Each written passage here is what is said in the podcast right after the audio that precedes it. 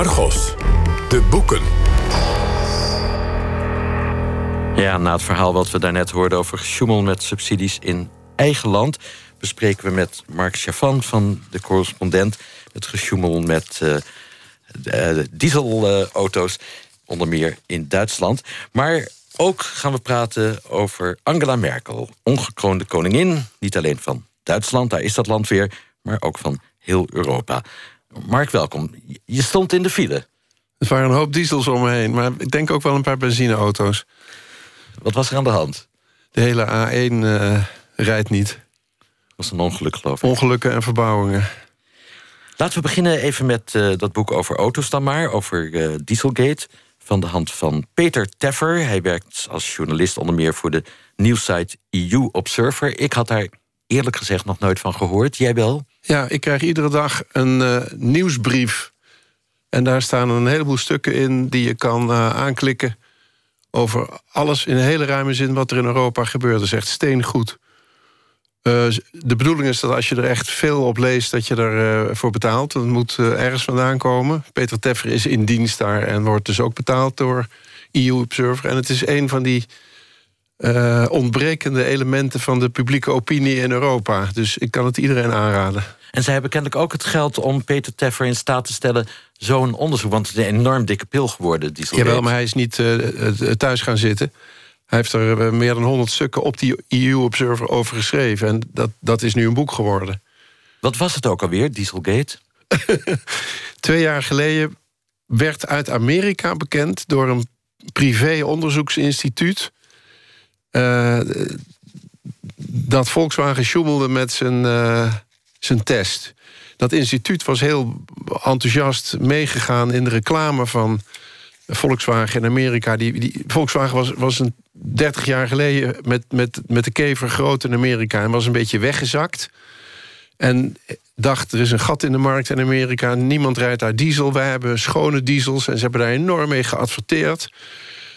En dat onderzoeksinstituut wilde dat nog eens even bewijzen, dat dat echt kon. En dus zeggen, dat er is veel meer mogelijk dan de Amerikaanse auto-industrie doet.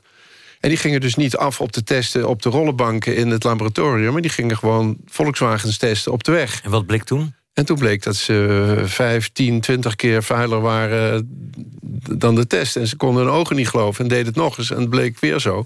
En toen hebben ze het aan de, de, de nationale uh, milieudienst, de EPA en aan de Californische Milieudienst. Want Californië heeft altijd een eigen strengere milieunorm.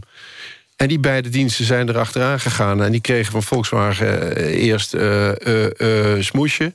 En die hebben daar geen genoegen mee genomen. En uiteindelijk heeft Volkswagen onder grote druk moeten toegeven...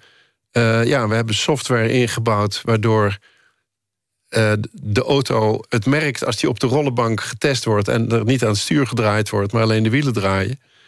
Dan is hij heel milieuvriendelijk. Dan komt hij met een goede uitstoot. En zodra hij daar vanaf is, met een veel grotere uitstoot.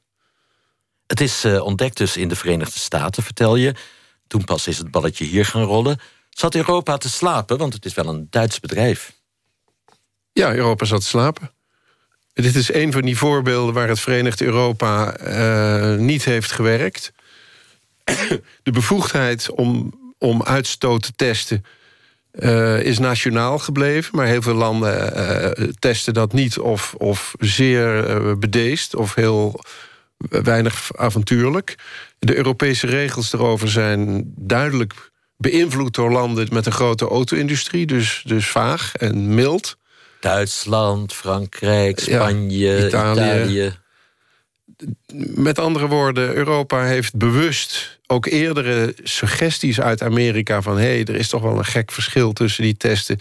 uit het laboratorium en op de weg.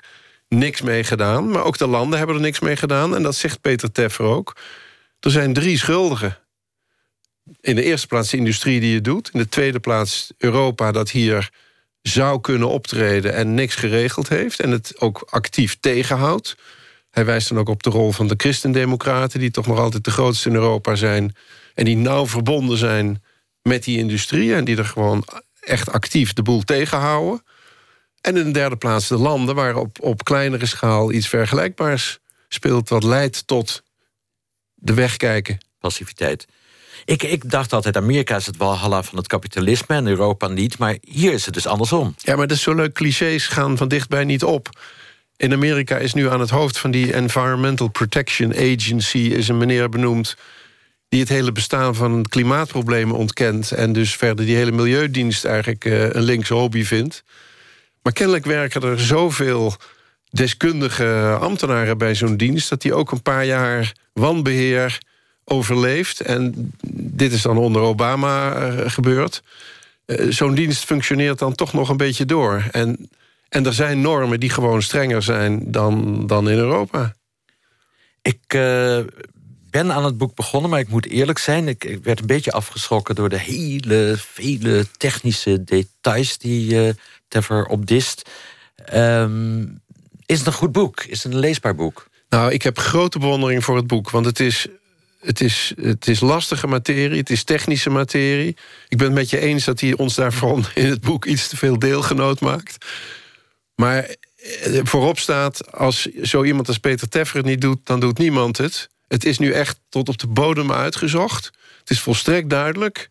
En er zullen parlementariërs in eh, het Europees Parlement... en in landen komen, ik hoop ook in Nederland... die zeggen het moet echt anders en die aan de slag ermee gaan. En ambtenaren op allerlei ministeries... en misschien wel mensen bij autobedrijven die zeggen... zullen we gewoon maar meteen groen gaan. Bestaan er genoeg van dit soort uh, onderzoeksjournalistieke boeken naar Europa? Want hij legt dus wel veel bloot. Bijvoorbeeld die band tussen de auto-industrie... en de fractie van de Christendemocraten in Brussel. Gebeurt nou, het genoeg? genoeg? zijn er zeker niet. Het is weer het, het, het ontbreken van een Europese publieke opinie... wreekt zich ook hier. Maar in, in de verschillende landen zijn wel van dat soort boeken... de Engelse en de Franse onderzoeksjournalistieke traditie... is wel degelijk levend. Maar het is natuurlijk veel te weinig. En daardoor kunnen door de mazen van het net... dit soort gigantische schandalen een tijd lang wegkomen. Het is vaak een journalistiek niemandsland, Europa. Ja, het is ook niet dankbaar. Ik bedoel, Peter Teffer wordt met dit boek hopelijk ergens bekroond. Want hij verdient het. Maar of het nou in Frankrijk een bestseller is, weet ik niet. Aan het eind van het uh, boek wordt Teffer erg boos, woedend, schrijft hij zelf. Woedend op Europa, woedend op die conctie van de auto-industrie daar. De, hij, krijgt een beetje sympathie voor de brexit zelfs. Valt hij daar niet uit zijn rol van objectief journalist? Uh, zijn rol van objectief journalist valt hij uit... maar zijn rol van journalist valt hij niet uit. Hij heeft zoveel uren, dagen, maanden, jaren... en zoveel rapporten doorgewerkt, in zoveel zaaltjes gezeten... zoveel mensen on en off the record gesproken... dat je aan het eind van deze hele tocht zegt... zijn je nu allemaal helemaal bedonderd? Ik vind dat dat wel mag. Peter Teffer, Dieselgate, hoe de industrie sjoemelde en Europa faalde. Uitgegeven bij uitgeverij Nou, dan een hele andere kant van Duitsland dan het uh, gesjoemel van Volkswagen. Uh, Angela Merkel, politieke biografie, goed getimed, uh, verschenen van de hand van Michelle de Waard, oud-correspondent van RC in Duitsland, dus een oud-collega van jou, neem ik aan. Dekt de titel de lading? Is dit de biografie, de politieke biografie van Angela Merkel? ja en nee. Het is een biografie van Angela Merkel, de politica.